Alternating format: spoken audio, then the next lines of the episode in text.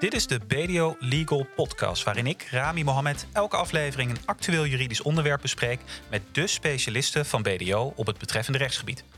Deze aflevering heb ik Victor Kradolfer en Ann Luis, beide jurist ondernemingsrecht van onze sectie publiekrecht, uitgenodigd om het te hebben over de wet toetreding zorgaanbieders, de WTZA. We bespreken eerst een voorbeeld uit de praktijk en eindigen met wat praktische tips voor jou als ondernemer. Welkom Victor. Dankjewel. Welkom in de podcaststudio. Dankjewel, goedemorgen. En Ann, jij natuurlijk ook welkom. Ja, dankjewel. Leuk dat jullie er zijn. Allebei voor het eerst. Klopt. En we gaan het hebben over een, eh, een leuk en spannend onderwerp. Een onderwerp dat uh, voor zorgaanbieders toch echt wel wat, uh, wat impact heeft. En Victor, laat ik eerst bij jou beginnen. hoe kijkt de praktijk tegen de, de WTZA? Dat is een beetje wisselend. Ik denk dat de meeste zorgaanbieders wel goed weten dat de regels zijn veranderd. Het gaat over heel veel regels die uiteindelijk op hun afgekomen zijn. Um, je ziet wel dat, dat zorgaanbieders wel worstelen met een aantal thema's. En dat zijn vooral de instellingen die in het verleden niet zo te maken hadden met ja, laten we zeggen, procedurele regels die gewoon hun werk deden. En dan heb je het vooral over eerste lijn zorgaanbieders. Dus de grotere instellingen die, uh, nou, die hebben dat allemaal redelijk goed op orde. Maar vooral die kleinere, die worstelen daar nog wel een beetje mee. Denk bijvoorbeeld even aan uh, als ik nou als zorgaanbieder opeens een raad van toezicht moet hebben. Wat betekent dat dan voor mij? Uh, kan ik dan nog wel steeds gewoon doen wat ik wil? Of moet ik iedere keer met zo'n raad van toezicht gaan overleggen? Dat betekent nogal wat voor je praktijk. Ja, ja snap ik. Nou, best wel impact dus voor uh, zorgaanbieders. Anne, kan je uitleggen wat nou precies het doel was van de WTZA? Ja, de, ja, de kern van die WTZA is eigenlijk kwaliteitsverbetering. Hè. Daar uh, haakte Victor net ook eigenlijk al op in. Hè. Uh, wat die WTZA wil bereiken is zorgaanbieders bewust maken van de kwaliteit die dat ze leveren voor goede zorg. En hun verantwoordelijke rol die dat ze daarin hebben. En eigenlijk willen ze met de, door het in kaart brengen van die WTZA-wetgeving laten zien van waaraan moet je nu voldoen. Uh, hoe uh, ga je dat bereiken? Wil je daar transparant over zijn, maar ook wil je daarop aangesproken worden uh, als die kwaliteit niet op orde is? En dat was de belangrijkste doelstelling van de WTZA. En was daar dan ook echt een noodzaak toe? Was de kwaliteit van de zorg, zoals Victor misschien al zei, in bepaalde kleinere instellingen, dat je zegt van daar, daar is die WTZA echt nodig om daar verandering in te brengen? Ja, ik denk wel zeker bij kleinere zorginstellingen tot dat zeker aan de orde was. En tot daar ook daar hebben we het straks nog even over. Misschien door gebrekkig uh, toezicht. Uh, um, ja, de kwaliteit soms uh, ja, niet helemaal het niveau had wat gewenst was. Oké, okay, duidelijk. En ehm, als, ik het, als ik over de WTZA lees en, en hoor, dan hoor ik vaak de datum 1 juli 2022 vallen. Kan je uitleggen wat die datum betekent in het kader van de WTZA? Ja, nou, dat was voor zorgaanbieders wel een belangrijke datum. Dat was de datum waarop uh, dat de meldplicht uh, uh, van werking ging. En uh, alle bestaande zorgaanbieders die moesten zich voor 1 juli moesten zij zich melden in het landelijk register voor de zorgaanbieders. Nu was het wel zo dat het landelijk register dat uh, bevat ook een koppeling met bijvoorbeeld het handelsregister. Uh, dus heel veel zorgaanbieders waren daar al in opgenomen. Dus dat was heel prettig. Maar het was wel altijd het advies van ja, check ook even of dat jij er al in opgenomen bent. En voor nieuwe zorgaanbieders is het zo dat zij zich moeten melden drie maanden voordat ze starten met het aanbieden van hun zorgactiviteiten. Dus uh, dat melden is wel van belang ja. geweest. Ja. En uh, wat is eigenlijk het achterliggende doel van die meldplicht? Het achterliggende doel van die meldplicht was eigenlijk zorgaanbieders uh, in beeld krijgen bij de IGE. En dat is de Inspectie Gezondheidszorg en Jeugd. En daar uh, wil men in beeld hebben wie biedt er nu in Nederland allemaal zorg aan. Uh, daar was nog geen register van. Nou, we spreken straks nog wel even over het WTZI-register. Maar men wil eigenlijk gewoon beter in beeld hebben van wie moet er nu allemaal aan die kwaliteitseisen eh, voldoen. maar ook bijvoorbeeld welke partijen zijn indirect betrokken bij het leveren van zorg. Moeten die zich ook uh, melden. Een tweede doelstelling van die melding is dat je bij het doen van de melding uh, ga je ook een vragenlijst invullen. En op die manier probeert men te bereiken dat je ook als zorgaanbieder uh, meer duidelijkheid krijgt van wat wordt er voor jou verwacht. Want daar worden een aantal vragen gesteld uh, ja, die je dan tot nadenken aanzet van wat zijn nu die kwaliteitseisen. Ja, ja duidelijk. Nou, uh, klinkt goed dat die meldplicht ja. er is om te voorkomen dat zorgaanbieders uh, onder de radar blijven, zeg maar, en niet weten aan welke kwaliteitseisen ze moeten voldoen. Um, Victor, naast de meldplicht, zijn er nog andere verplichtingen in het kader van de WTZA? Zeker, Rami. Uh, je hebt de, de, de, vergunningsplicht erbij gekregen. En die vergunningsplicht is eigenlijk een stapje verder. Want die heb je nodig ehm, als zorgaanbieder als je aan bepaalde voorwaarden voldoet. En die betekent eigenlijk dat je pas zorg mag verlenen als je de vergunning hebt. Ehm, die vergunningsplicht die is in principe uh, van toepassing op alle zorgaanbieders die medisch specialistische zorg uh, verlenen. Denk aan ziekenhuizen onder andere, dus de klinieken, uh, zorg met ver verblijf. En daarnaast heb je uh, ook nog andere zorgaanbieders, de eerste lijns. Uh, instelling bijvoorbeeld. En die hebben weer een vergunningsplicht op het moment dat ze een aantal bepaald aantal zorgverleners in dienst hebben. Dus medisch specialistische zorg altijd. Uh, eerste lijnsaanbieders bijvoorbeeld vanaf een bepaalde grootte. Uh, dus dat betekent dat niet iedereen eronder valt. En welke grootte is dat dan? Uh, bij de eerste lijnsaanbieders heb je, heb je dan tien zorgaanbieders, zorg, zorgverleners nodig. Dat betekent dat je ehm, niet alleen maar kijkt naar bijvoorbeeld de arts die werkzaam is, maar iedereen die in die praktijk werkzaam is en bezig is met de patiënt of cliënt. Dat, die tellen we mee als, als zorgverlener. Dus vanaf tien zorgverleners ben je dan vergunningsplichtig. Oké, maar dan hebben we het niet over ondersteunende functies bijvoorbeeld. Nee, nee dus de, de, de, de administratieve medewerkers, de stagiaires en dergelijke, die hoef je niet mee te tellen. Uh, maar of je fulltime bent of parttime maakt niet uit. Dus iedereen die eigenlijk, ja, eigenlijk met de, de, de patiënt bezig is, die tel je dan mee. Um, het is ook zo wat je ziet in de praktijk dat uh, zorg nog wel eens wordt uitbesteed. Hè? Dus jij bent een, een zorgaanbieder en uh, je hebt je eigen praktijk, maar een deel van je zorg geef je door aan een andere partij. Bij onderaanneming heet dat een beetje een rare term in de zorg, onderaanneming. Um, bij onderaanneming moet je ook die vervolgstap meetellen. Dus de mensen die in die onderaanneming werkzaam zijn, die tel je dan ook mee. Okay, voor de dus, vraag of je aan 10 voldoet. Dus zo kan dat wel snel. Uh, zo kan het gaan oplopen. Inderdaad. Oplopen. Ja, ja. ja. en zeker bij, bij ketenzorg en dat soort zaken zie je dat dat van belang kan zijn. Ja. Duidelijk. En wie verleent uiteindelijk de vergunning? Waar moet je aan voldoen ook als je de vergunning wil hebben? Ja, dat is een hele uh, uh, lijst met, met voorwaarden waar je moet voldoen. Het is het agentschap CIBG uh, die uiteindelijk de vergunning verleent. Agentschap CIBG is een uitvoeringsorganisatie van het ministerie van, van VWS.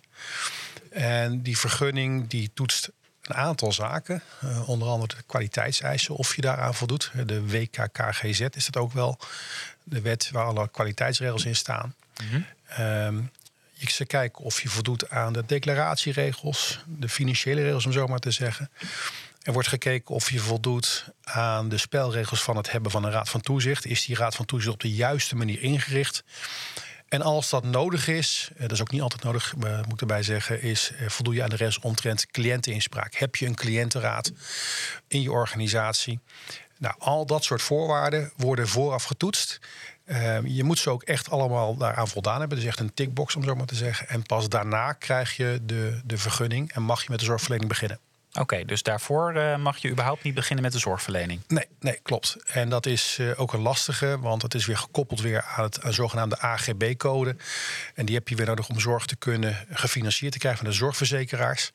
Dus uh, dit zit allemaal aan elkaar vast. Ja. Dus zonder vergunning kom je ook niet met die AGB-code in aanmerking. En dan kun je ook geen zorg uiteindelijk declareren. Ja, duidelijk. En is het hebben van zo'n cliëntenraad nieuw? Nee, uh, die regelgeving die bestaat al geruime tijd. Laatst is die aangepast in 2018. Um, en betekent eigenlijk dat je als zorgaanbieder van een bepaalde grootte heb je een cliëntenraad nodig.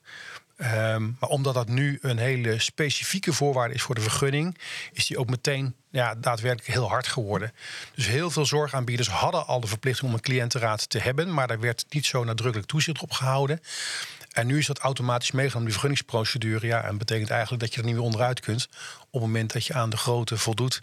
Van, uh, voor het hebben van een cliëntenraad. Ja, dus die uh, zorgaanbieders die daar nog niet mee aan de slag waren. Die, ja, die hebben nu geen keuze. Hebben nu geen keuze. En dat is best wel ingewikkeld, hè, als ik daar toch even door mag gaan. Die, die, die, die cliëntenraad is best wel een dingetje als je het hebt over eerste lijns. Hè. Dat zijn vaak, ja, denk even aan een huisartsenpraktijk of fysiotherapiepraktijk. Ja, mensen komen en gaan, die zijn niet continu aanwezig. En opeens moeten die een soort inspraakorgaan hebben ja, ga maar mensen vinden die uiteindelijk die rol willen gaan vervullen. Dus dat is best wel een dingetje. Ja. En ik denk dat een aantal zorgaanbieders daar best wel moeite mee hebben. Hoe gaan ze dat soort organen in hun organisatie ja, eigenlijk uh, tot stand brengen? En uh, dat, dat denk ik dat veel uh, eerste lijnzorgaanbieders daar wel moeite mee, mee hebben. Ja, kan ik, kan ik me voorstellen. Ja. Nou, dat is iets om over uh, in gesprek te treden, eventueel met een, een specialist, bijvoorbeeld van BDO. Ja. Hoe je dat het beste kan, uh, kan vormgeven. En uh, Anne, uh, ik hoor ook in het kader van de WTZA dat er iets moet gebeuren met intern toezicht. Kan ja. je daar iets over vertellen? Ja, dat klopt helemaal. Rami, eigenlijk een aanvulling op wat Victor net vertelde van de cliëntenraad.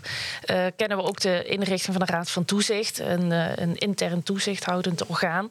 Um, en de hoofdregel eigenlijk in de WTZA is dat alle zorgaanbieders zo'n Raad van Toezicht uh, moeten hebben. Dus ook dat los van wat we net al uh, vertelden over die cliëntenraad, kan dat een behoorlijke impact uh, hebben.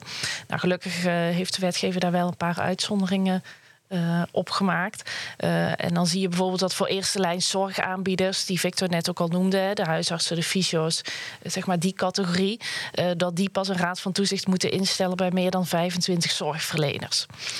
dus als je met meer dan 25 personen zorg verleent, dan zul je die raad van toezicht moeten gaan inrichten. Um, en dat wil ook zeggen ja, dat je die mensen zult moeten gaan zoeken. Dus naast die cliëntenraad zul je ook toezichthouders moeten gaan werven. In deze krappe arbeidsmarkt. Moeten we ja. een cliëntenraad en een, uh, en een raad van toezicht Ja, wanneer iedereen het al heel druk heeft. Uh. en wat is precies de taak van de raad van toezicht? Nou, raad van toezicht die houdt eigenlijk toezicht, het zit al in hun naam, hè, op goed bestuur. dus die kijkt eigenlijk over de schouder, zou je bijna kunnen zeggen, van, van de bestuurder mee. Van hoe, hoe leidt die de zorginstelling? En die voorziet ook zo'n bestuurder van kritische vragen. Um, uh, hoe dat hij met zijn beleid omgaat of hoe dat de visie op de toekomst is. Dus dat uh, zou ook bij moeten dragen aan de kwaliteit van de zorgverlener. Want uiteindelijk zijn natuurlijk die toezichthouders externe personen die onafhankelijk uh, staan van, van de zorgaanbieder. Ja. Ehm, dus die zorgen voor de kritische nood. En Victor had het al over kleine instellingen. Ik hoor nu toch best wel wat nieuwe kwaliteitseisen in, in de vorm van een cliëntenraad, een raad van toezicht, een meld- en vergunningsplicht. Um, ja, hoe zit het met kleine instellingen? Kunnen die dat wel aan? Bedoel je dan de, de Raad van Toezicht en de Cliëntenraad? Ja. Nou, dat zal best wel een behoorlijke uitdaging zijn. Dat zie je ook heel vaak terug nu in vragen die wij in de praktijk krijgen. Um, van hoe ga ik die mensen vinden? Maar ook uh, welke vergoeding staat er tegenover? Of wat voor type mensen wil ik uh, daarbij betrekken? Wat voor profiel horen die mensen te hebben? Zeker op het Raad van Toezichtsniveau. Ja, dat zie ik en, in en daarbij geval. is ook nog een dingetje die leden moeten allemaal onafhankelijk zijn. Dus die mogen geen rol hebben bij die, bij die instelling. Dat betekent met andere woorden, je gaat op zoek naar die mensen. En ik denk wel dat wij daar ook verder bij kunnen begeleiden. Het gaat om dat je ook een netwerk hebt, bijvoorbeeld van bepaalde brancheorganisaties.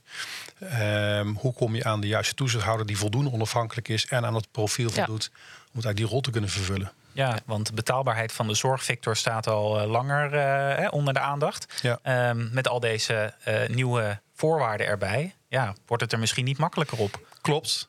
Zeker in bepaalde takken van sport zie je dat echt terugkomen. Dat uh, er komt dus kennelijk weer een, een, een kostenaspect bij. Uh, wie gaat die rekening betalen?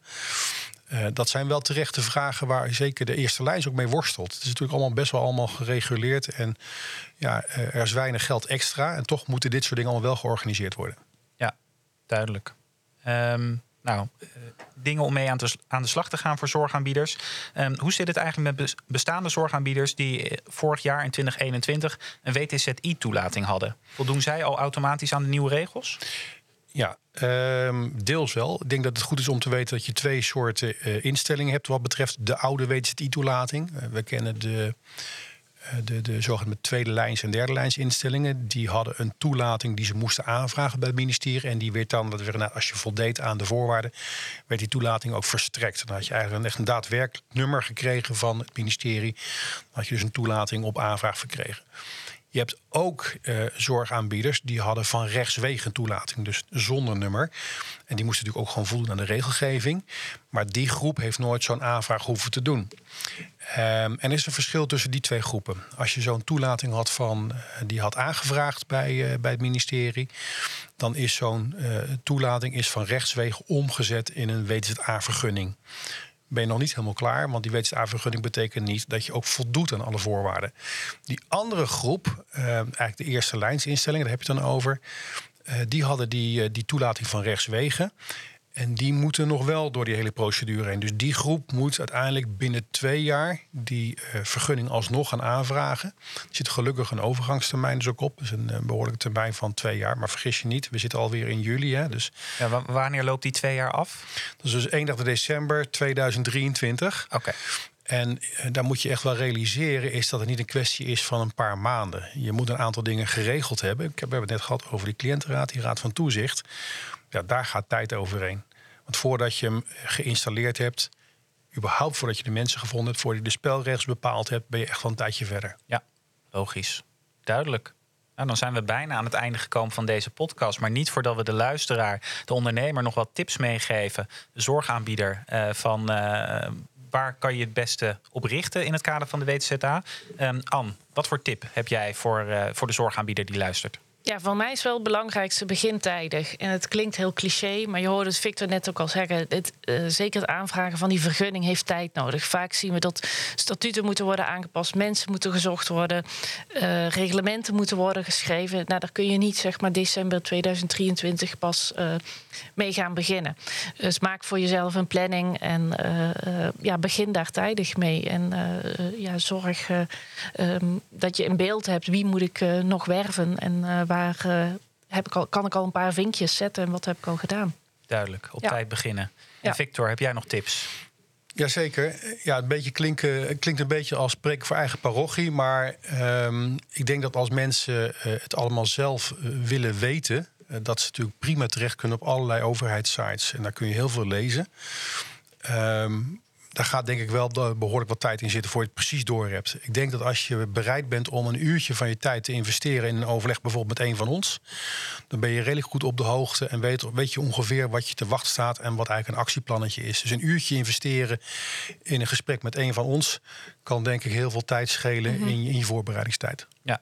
En een ander punt is denk ik. Um, als je kijkt naar alle spelregels rondom die WZA, het kan ook een goed moment zijn om eens toch een keer kritisch naar je juridische structuur te kijken. Ben je een maatschap, ben je een BV, heb je meerdere BV's. En die regels die zijn op bepaalde delen van zorg wel of niet van toepassing. En dan is het goed om eens te kijken van kan het eventueel eenvoudiger? Uh, kun je splitsingen aanbrengen bijvoorbeeld? Nou, dat zijn allemaal mogelijkheden om toch eens een keertje uh, met onze gesprek te gaan om ja, je, je organisatie, juridische organisatie tegen licht te houden. Duidelijk. Nou, goede tips. Uh, daarmee zijn we echt aan het einde gekomen van de podcast. Ik wil jullie hartelijk bedanken, Victor en Anne, voor jullie bijdrage ja, en duidelijke gedaan. uitleg. Graag gedaan. Bedankt ook voor het luisteren. Vond je dit nou een leuke podcast? Abonneer je dan op het kanaal. En voor nu zien we je graag weer bij de volgende aflevering.